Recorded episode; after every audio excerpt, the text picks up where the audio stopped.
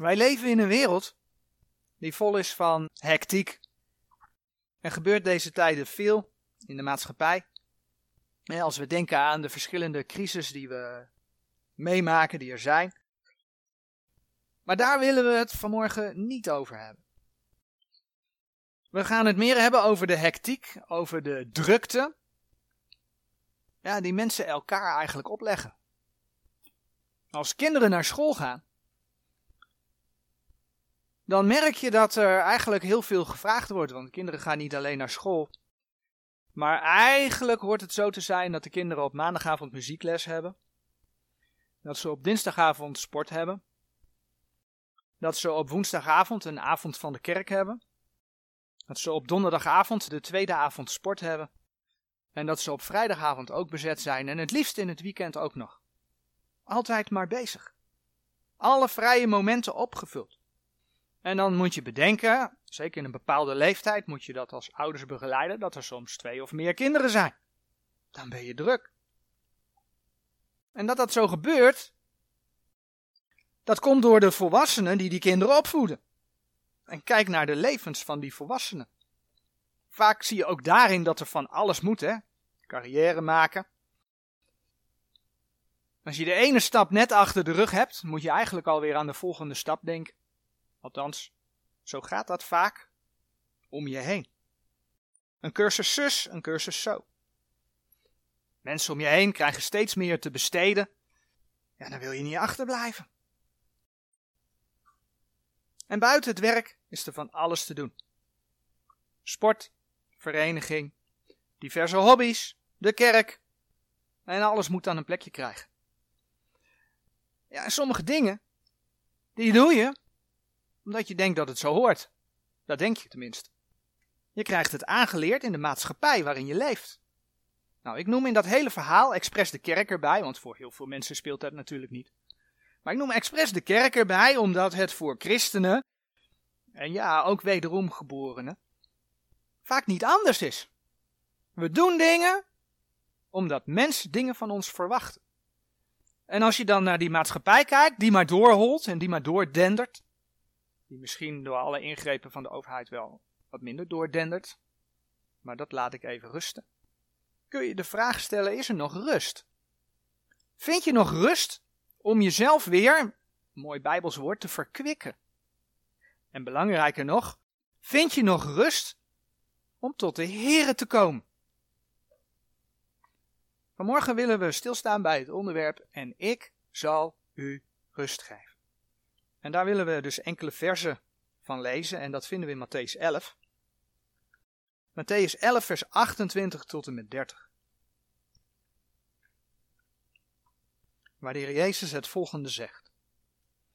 Matthäus 11 vers 28. Komt herwaarts tot mij, alle die vermoeid en belast zijt, en ik zal u rust geven. Neemt mijn juk op u en leert van mij dat ik zachtmoedig ben en nederig van hart.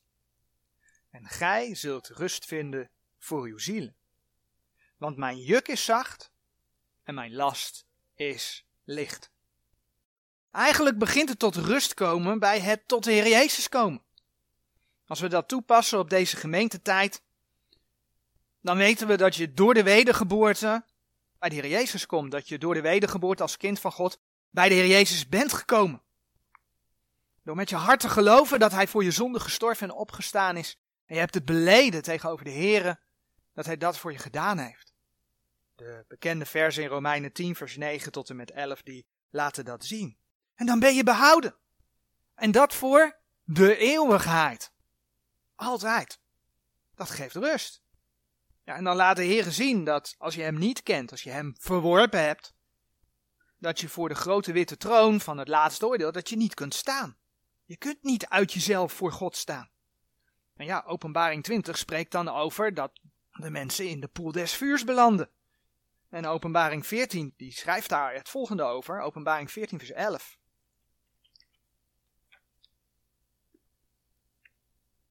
Openbaring 14 vers 11. En de rook van hun pijniging gaat op in alle eeuwigheid en zij hebben geen rust dag en nacht. Die het beest aanbidden en zijn beeld en zo iemand het merkteken zijns naams ontvangt. Ja, deze tekst gaat specifiek over mensen die in de grote verdrukking geleefd hebben. Dat klopt. Maar de situatie van de hel en de poel des vuurs is voor anderen die de Heer Jezus verworpen hebben niet anders. En dan staat daar geschreven: zij hebben geen rust dag en nacht.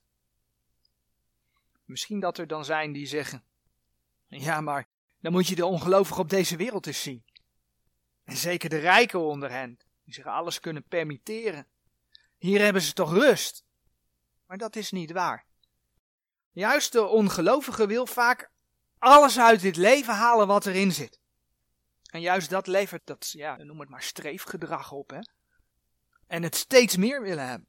Dat is wat onze ja, westerse maatschappij tekent. Mensen zijn onrustig. En helpt rijkdom daarbij? Nou, volgens Gods woord niet. Als we prediker 5 vers 11 opzoeken. Salomo die heeft alles wat onder de zon geschiet onderzocht. In het boek Prediker. En dan zegt Salomo in Prediker 5 vers 11 het volgende. De slaap des arbeiders is zoet, hij hebben weinig of veel gegeten. Maar de zatheid des rijken laat hem niet slapen. Rijkdom geeft onrust. Hoe meer er binnenkomt, hoe meer de mens wil. Zo werkt dat bij mensen. Hoe meer er binnenkomt, hoe meer de mens wil. En ja, als je rijk bent kun je makkelijk leningen afsluiten. Dus je wil steeds meer, ga je leningen afsluiten. In deze tijd, nou, al een tijdje natuurlijk, hebben we de beleggingen. Dan breng je je geld naar de beurs. En dan in deze tijd, dan kan het maar zo, hè, boem bats, in één klap is al je geld weg. Zorgen, en dan hebben we het alleen maar over geldzorg. Het alleen nog maar over geldzorgen. En dan komt Gods woord, en Gods woord zegt dat de Heere eeuwige rust geeft. In openbaring 14 vers 13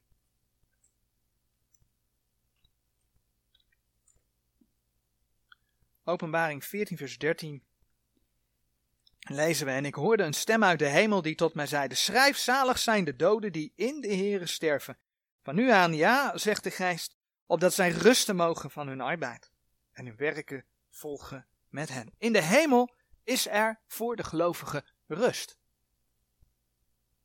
Maar ook hier op aarde wil de Heer ja als kind van God rust geven. En daar willen we verder bij stilstaan. Als je de Bijbel gaat lezen, dan kom je erachter dat de Heere God rust belangrijk vindt. En dat blijkt uit wat hij zelf laat zien. In Genesis 1 en 2 lezen we over de schepping. De schepping van hemel en aarde. En toen hij alles geschapen had, lezen we in Genesis 2, vers 2 dat hij rustte op de zevende dag. Genesis 2, vers 2, laten we dat vers lezen.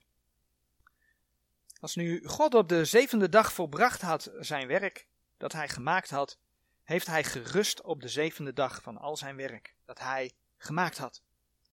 Dan kun je de vraag stellen, had de Heere God die rust nodig? Ik bedoel, hij is de almachtige God, hij kan alles. En in Psalm 121 vers 4 lees je bijvoorbeeld dat de Heere niet sluimert, dat de Heere niet slaapt. Dus de Heere zal die rust niet nodig gehad hebben en toch rustte hij. Dat is wat we lezen. Het is een voorbeeld voor ons mensen. Na werk heb je het nodig om te rusten. En de Heere God nam die rust. Nou, ga je de Bijbel verder lezen, dan kom je erachter dat onder de wet, dat die zevende dag, dat dat een gebod werd voor het Joodse volk. In de tien geboden kom je tegen, Exodus 20, vers 10. Nehemia 9, vers 13 tot en met 14 kun je daar ook bij opzoeken. Dat werd een gebod. En wij zoeken Exodus 34, vers 21 op. Want die Sabbat kom je natuurlijk op meerdere plekken tegen in Gods woord.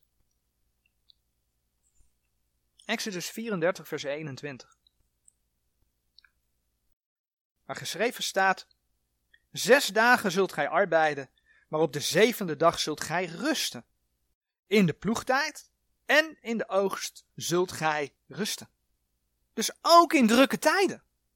De ploegtijd en de oogst. Ook dan was het de bedoeling dat men rust nam. Onder de Joodse leiders was dit verworden tot een hele rigide wet met allerlei regeltjes wat wel en wat niet mocht. En dan was het de Heer Jezus die duidelijk maakte dat de mens niet voor de Sabbat gemaakt was, maar dat de Sabbat voor de mens gemaakt was. Je vindt dat bijvoorbeeld in Marcus 2, vers 27.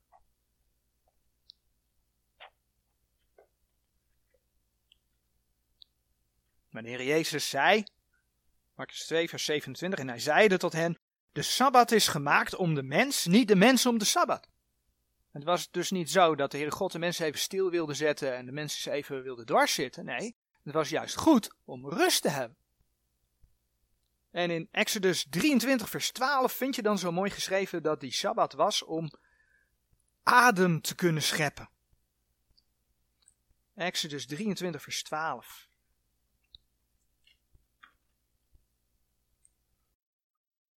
Kom je hem weer tegen? Zes dagen zult gij uw werken doen. Maar op de zevende dag zult gij rusten. Opdat uw os en uw ezel rusten. En dat de zoon uw dienstmaagd en de vreemdeling adem scheppen.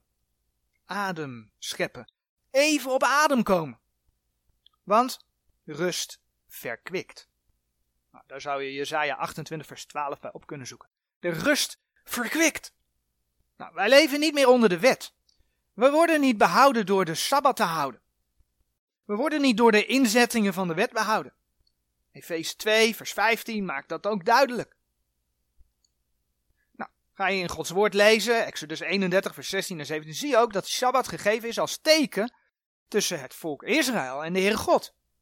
Kun je Colossense 2, vers 16 en 17 bij aanhalen en dan zie je dat die feestdagen, onder andere ook de Sabbat, eigenlijk helemaal niet voor de gemeente gegeven zijn. Maar ondanks dat mogen wij wel leren van de geschiedenis van het volk Israël. Mogen we leren van het feit dat de Heer zelf na zijn werk rustte. Leren van het feit dat de Heer Israël aangeeft dat zelfs als het druk is, rust te nemen. In de oogsttijd, hè, dat was een belangrijke tijd. Hij rustte, zei de Heere God. Neem je rust.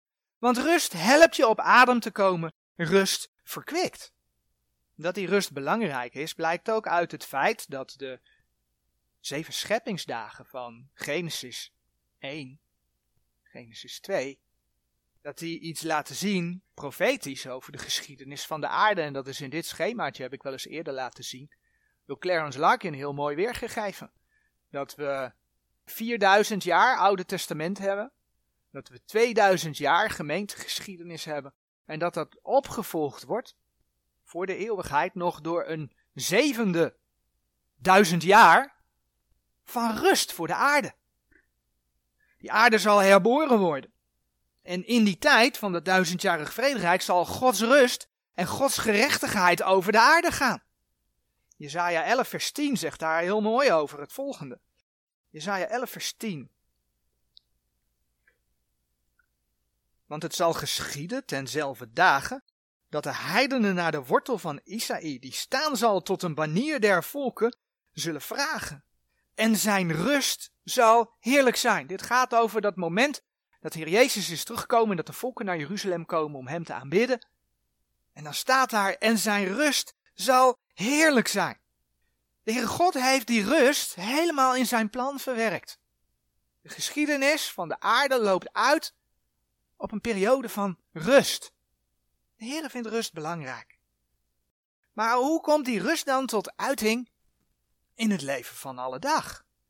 In het leven van alle dag van de wederom geboren gelovigen. We zagen het al, je moet vaak zoveel in het leven. Althans, dat denk je. Vaak probeer je als mens op het werk bij te blijven. En niet alleen bij te blijven, maar liefst een stapje verder te zijn. En aangezien carrière maken de mode is, hobbel je daar al gauw vrolijk in mee. Kom je in diverse christelijke kringen en dan merk je ook nog dat aanzien daar vaak heel erg belangrijk is. Status die je behaald hebt. Dus dat bevordert dat. En ja, je wilt er toch ook voor je gezin zijn. En er worden tegenwoordig hoge eisen aangesteld. Je moet het voor de kinderen vooral ook naar het zin maken, toch? En zelf wil je niet achterblijven. Je wil naar die sportwedstrijd. Je wil misschien wel naar dat mooie concert. En ja, dat grotere huis moet er eigenlijk ook wel komen. dan kom je in de gemeente en dan wordt er ook nog wat van je gevraagd. Nou, je zet je lach op en je doet vrolijk mee. En dan bedenken ze ook nog om erop uit te gaan. Je wil niet achterblijven. Er zijn er heel wat, om het zomaar te zeggen, heel wat ballen omhoog te houden. Maar als jij het bent die die ballen omhoog aan het houden bent, dan ga je eigenlijk gebogen onder een juk. En misschien moeten we zelfs zeggen meerdere jukken. De juk van het gezin, de juk van het werk, de juk van de gemeente, de activiteiten die daarbij horen, juk van de maatschappij. Want ja, men vraagt dat nou toch eenmaal en we willen niet achterblijven. En dan laat de Bijbel ook nog zien dat er iets is als een juk van de zonde. We dingen doen omdat dat vlees aan ons trekt. Blijkt bijvoorbeeld uit Romeinen 6, vers 17. En ja, dat drukt. Nou, in het Oude Testament kom je voorbeelden tegen. Israël in Egypte had het juk van zware dienstbaarheid. Deuteronomium 26, vers 6 tot en met 8. In Babel spreekt de Heer in zijn woord over dat Israël een ijzeren juk had. Jeremia 28, vers 14. Een juk, allemaal dingen omdat het je opgelegd wordt, of omdat jouw vlees trekt, want je moet. Maar de vraag is of dat eigenlijk wel zo is. Want de vraag is, wat is voor jou belangrijk in het leven? En dan zegt Matthäus 11, vers 28. Matthäus 11, vers 28. Komt herwaarts tot mij, allen die vermoeid en belast zijn, en ik zal u rust geven. Dus de Heer zegt tot hem te komen, en dan krijg je rust. Nou, je bent toch een kind van God? Je hebt de Heer Jezus aangenomen, dus je bent een kind van God. Dus waar is die rust dan? Ja, natuurlijk heb je een zekere rust van de zekerheid die je hebt voor de eeuwigheid. Maar hier op aarde dan? Waar is die rust? En dan zegt de Heer Jezus in Matthäus 11, vers 29. Neemt mijn juk op u en leert van mij dat ik zachtmoedig ben en nederig van hart en gij zult rust vinden voor uw ziel. Dus het begint met neemt mijn juk op u. Dus je hebt al een juk, misschien wel meerdere jukken en dan zegt de Heere, neemt mijn juk op u. Je krijgt er dus een extra juk bij. Hoe dan? Rust geven. Hoe dan rust ervaren? Nou, het geheim zit erin dat het vers zegt: Neemt mijn juk op u. Dus niet al die andere jukken, maar mijn juk. Het juk van de Heer. Wie heeft de belangrijkste plaats in je leven? Laten we Marcus 12, vers 30 opzoeken.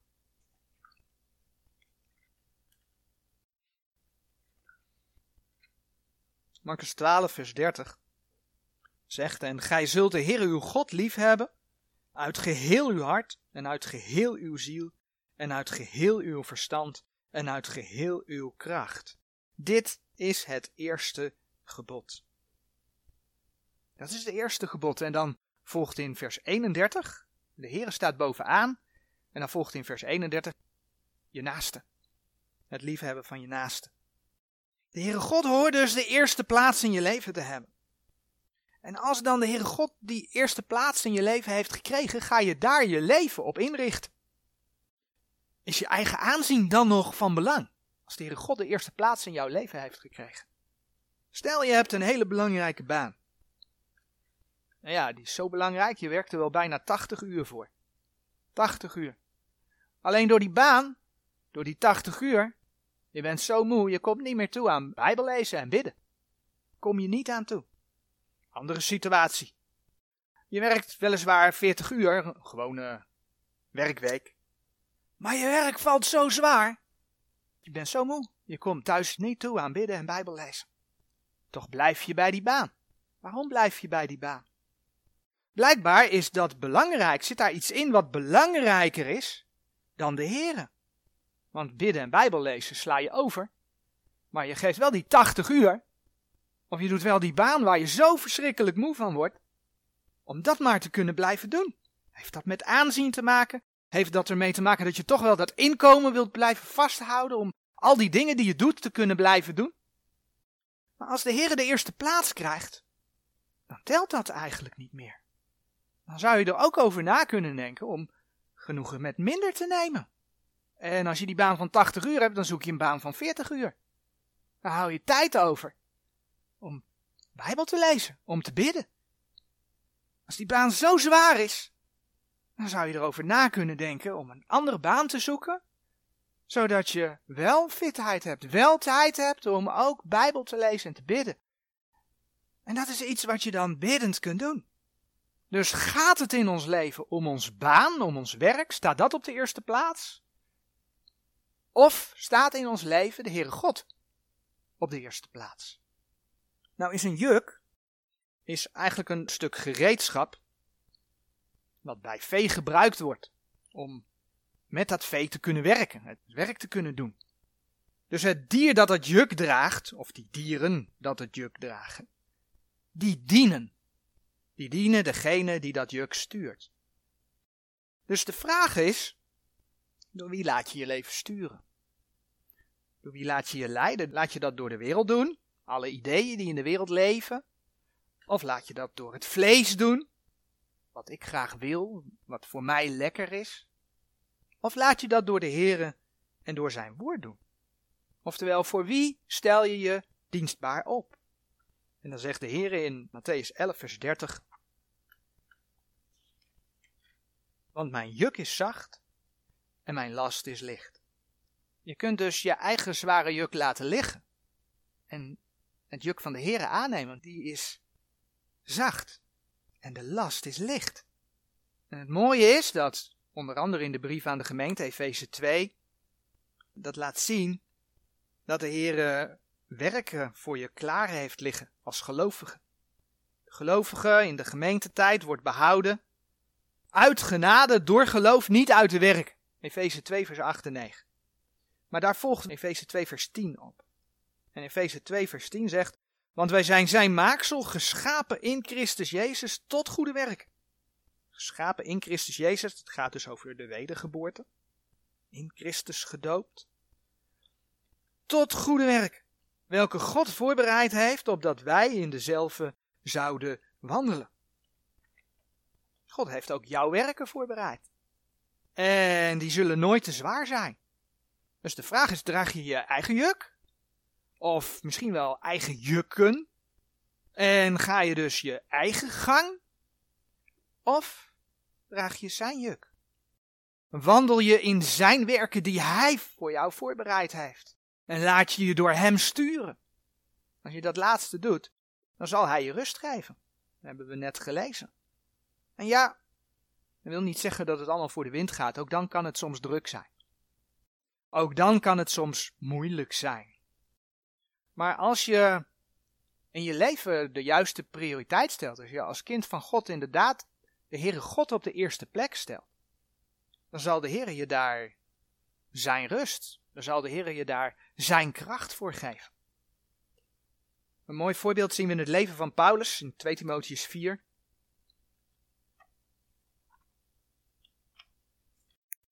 2 Timotheus 4, vers 16 en 17. Maar hij schrijft: In mijn eerste verantwoording is niemand bij mij geweest, maar zij hebben mij allen verlaten. Het worden hun niet toegerekend. Maar de Heere heeft mij bijgestaan en heeft mij bekrachtigd, opdat men door mij ten volle zou verzekerd zijn van de prediking en alle heidenen dezelfde zouden horen en ik ben uit de mond des leeuws verlost. De Heer wil helpen als het moeilijk is. Een ander vers dat je ook ziet dat het niet altijd maar voor de wind gaat is bijvoorbeeld 2 Korinthe 7 vers 5. Het juiste juk dragen geeft dus rust. En daarnaast is het ook nog eens een keer nodig om zelf regelmatig te rusten. Neem je rust. Dat is wat de Heer Jezus zelf ook deed.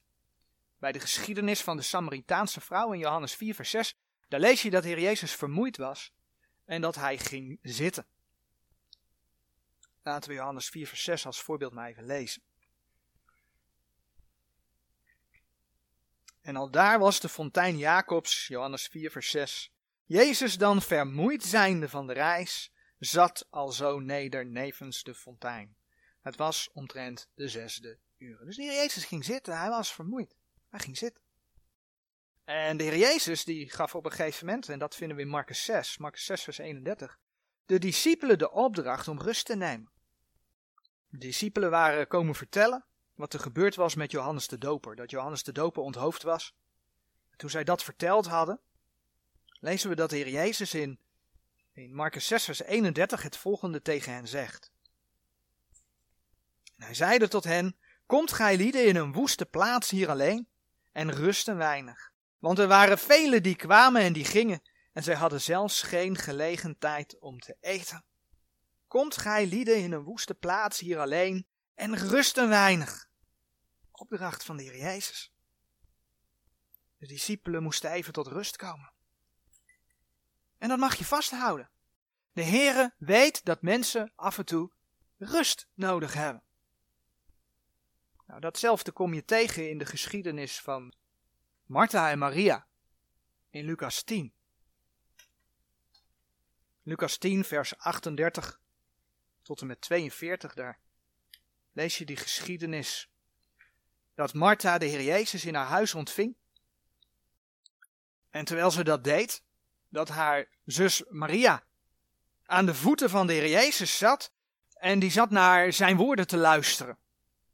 En terwijl Maria daar zat te luisteren, was Martha was druk bezig met dienen. En ja, Martha ergert zich daaraan. En dan lezen we in Lucas 10, vers 40 hoe dat ging. Doch Martha was zeer bezig met veel dienen. Veel dienen, hè? En daarbij komende zeide zij, Heere, trekt gij u dat niet aan dat mijn zuster mij alleen laat dienen? Zeg dan haar dat zij mij helpen. En let dan op het antwoord wat de Heer Jezus haar geeft. Vers 41 en 42. En Jezus antwoordende zeide tot haar, Martha, Martha, gij bekommert en ontrust u over vele dingen. Maar één ding is nodig. Nog Maria heeft het goede deel uitgekozen, het welk van haar niet zal weggenomen worden. Martha was druk met dienen. En notabene met het dienen van de Heer Jezus die bij haar op bezoek was. Nou, dat is een goede taak toch? Dienen van de Heer. Maar zij was zo bezig met dienen, zo druk, dat ze de tijd niet meer had om naar zijn woorden te luisteren. Ze was in onrust. En dat terwijl Maria in alle rust aan de voeten van de Heer Jezus zat en naar zijn woorden luisterde. Maria had het goede gekozen. Maar weet je, dat zien we ook vandaag de dag. Velen lopen zo hard om allerlei dingen voor de Heer te doen. En het liefst elke keer weer iets nieuws, want dan zien ze iets nieuws. Oh ja, daar duiken ze op in. Of het moet weer anders. Zo druk met al die dingen, dat ze er niet aan toekomen om gewoon in de rust naar de Heer te luisteren. Als we in dit schemaatje kijken, zo druk met dingen, dat ze er niet aan toekomen om naar de Heer te luisteren. De Heer laat dus zien dat dat niet juist is. Het begint juist erbij om in de rust naar Hem te luisteren. Daar begint het. En daarna komt de rest pas. Nou, die rust, dat blijkt eigenlijk al uit die geschiedenis van Martha en Maria. Maar die rust is dus niet alleen fysiek. Die rust hoort niet alleen fysiek te zijn, die hoort ook geestelijk te zijn. En daarvoor was bijvoorbeeld in het Oude Testament de Sabbat bedoeld. We gaan terug naar Deuteronomium 5. Deuteronomium 5, vers 14 hebben we al gelezen. Waar de Heere aangeeft om te rusten, geen werk te doen op de Sabbatdag. Maar op dat vers 14 volgt vers 15. En laten we kijken wat vers 15 in Deuteronomium 5 zegt. Want gij zult gedenken dat gij een dienstknecht in Egypteland geweest zijt. En dat de Heere uw God u vandaar heeft uitgeleid door een sterke hand en een uitgestrekte arm. Daarom heeft u de Heere uw God geboden dat gij de Sabbatdag houden zult. Nou, in bijvoorbeeld Leviticus 23 vers 3, dat lees je niet in dit vers, maar wel in Leviticus 23 vers 3, daar lees je ook dat die Sabbatdag een heilige samenroeping kende. Men kwam dus samen om te gedenken wat de Heere gedaan heeft. Nou, voor de gemeente, als je kijkt wat de de discipelen deden, is dat de eerste dag van de week. Niet wettisch, niet als werk der wet, maar wel als het voorbeeld dat door het volk Israël heen gegeven werd. Een dag van rust om op adem te komen. En een dag van rust om je geestelijk te kunnen verkwikken. Zodat je bijvoorbeeld je gezin weer aan kunt, je werk weer kunt doen, in de gemeente kunt dienen. Daar heb je die verkwikking voor nodig. Maar de Heere geeft de gemeenschap met elkaar, het luisteren naar het woord van God, het samen zingen, samen bidden, om te rusten en je te verkwikken. Zodat je er weer tegenaan kunt. Maar dat heb je ook privé nodig. Zoals de Heer Jezus de discipelen meenam naar een woeste plek, een plek zonder luxe, een plek zonder afleiding, een plek alleen, alleen met de Heer. Ja, door de week werken we, of dat nu op school is, of dat nou een baan is, of dat je thuis druk bezig bent. Ja, dat hoort erbij. We moeten voor ons gezin zorgen. Ook dat vraagt de Heer. Daar heb je ook werk voor nodig. Je hebt inkomen nodig. En ook daar vraagt de Heer van dat je dat doet. Sterker nog, als je die dingen nalaat, dan laat de Heer zien wat hij daarvan vindt. Bijvoorbeeld in Spreuken 10, vers 5.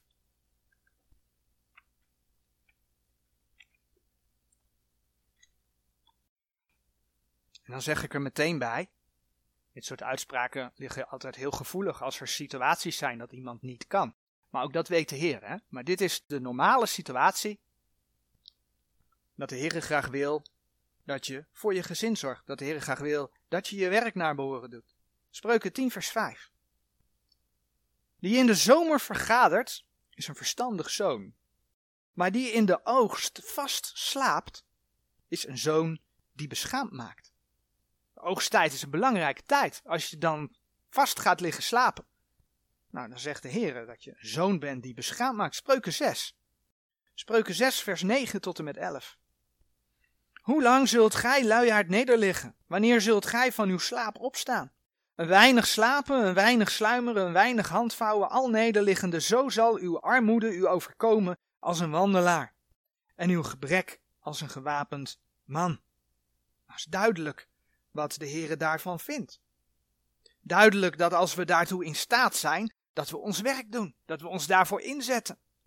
Maar geregeld is nodig om rust te zoeken, samen met Hem. En ja, dan is die rust niet bedoeld, we leven in onze westerse wereld, dat we die rust gaan opvullen met allerlei andere activiteiten. Allerlei hobby's of zo.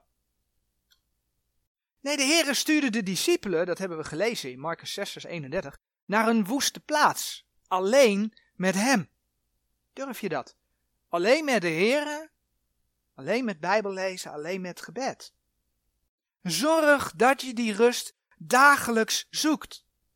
Soms zijn er momenten dat het goed is om je extra terug te trekken. Kortom, wie staat er in je leven op de eerste plaats? Is dat de Heere God? Als je zijn juk draagt, zegt de Heere, in die versen in Matthäus 11 die we gelezen hebben, dat dat zacht is en dat die last licht is. Dan stuurt hij je, dan verkwikt hij je. En dan zorg je ervoor dat je bezigheden zo zijn dat hij de eer krijgt dat hij ook de tijd krijgt. Als je dat doet, krijg jij de rust om al die dingen te doen. Misschien niet zoals de wereld dat van je verlangt, maar wel zoals het goed is samen met de Heer. Nou, een andere manier om in die rust te komen, die rust te zoeken, is te zorgen, en dan bladeren we naar Psalm 4, vers 9, dat je voldoende slaap krijgt. Ook slaap is gewoon door de Heer gegeven. we hebben de waarschuwingen gezien dat je niet moet slapen op momenten waarvan de Heer zegt, dat moet je niet doen. Maar je moet wel je rust pakken. Dus ook slapen kom je ook zeker positief tegen. God heeft niet voor niks de nacht gegeven om uit te rusten. Psalm 4 vers 9, daar lezen we bijvoorbeeld. Ik zal in vrede tezamen nederliggen en slapen, Want gij, o Heere, alleen zult mij doen zeker wonen.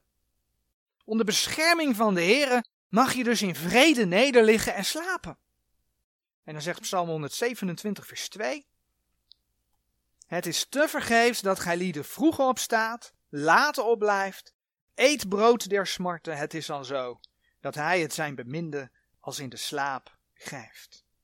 Het is te vergeefs dat gij lieden vroeg opstaat, laat opblijft. Het is al zo dat hij het zijn beminde als in de slaap geeft. Als de Heer het niet zegent, dan heeft het helemaal geen zin om vroeg op te staan en ook geen zin om laat naar bed te gaan. Dus als we de tijd gebruiken om onszelf te verheerlijken, met bezigheden die wij leuk vinden, nog even dit doen, dan heeft het geen zin om daarvoor vroeg op te staan of laat naar bed te gaan. Doen we het voor de Heer om Hem te zoeken, dan zal Hij nabij zijn. Maar dan nog is het zaak om je rust te pakken. Het heeft geen zin om op te branden en niets meer voor de Heer te kunnen betekenen. Ons lichaam is een tempel van de Heilige Geest. Daar moeten we gewoon goed voor zorgen. En ja, het komt voor dat het een keer laat wordt. En ja, het komt voor dat het tegenzit. We hebben de voorbeelden van Paulus gezien. En ja, het komt voor dat er dus moeilijke situaties zijn. Die je op dat moment ook geen tijd laten, maar zorg er dan voor dat als die druk eraf gaat, dat je wat tijd vrijneemt om in die rust te komen.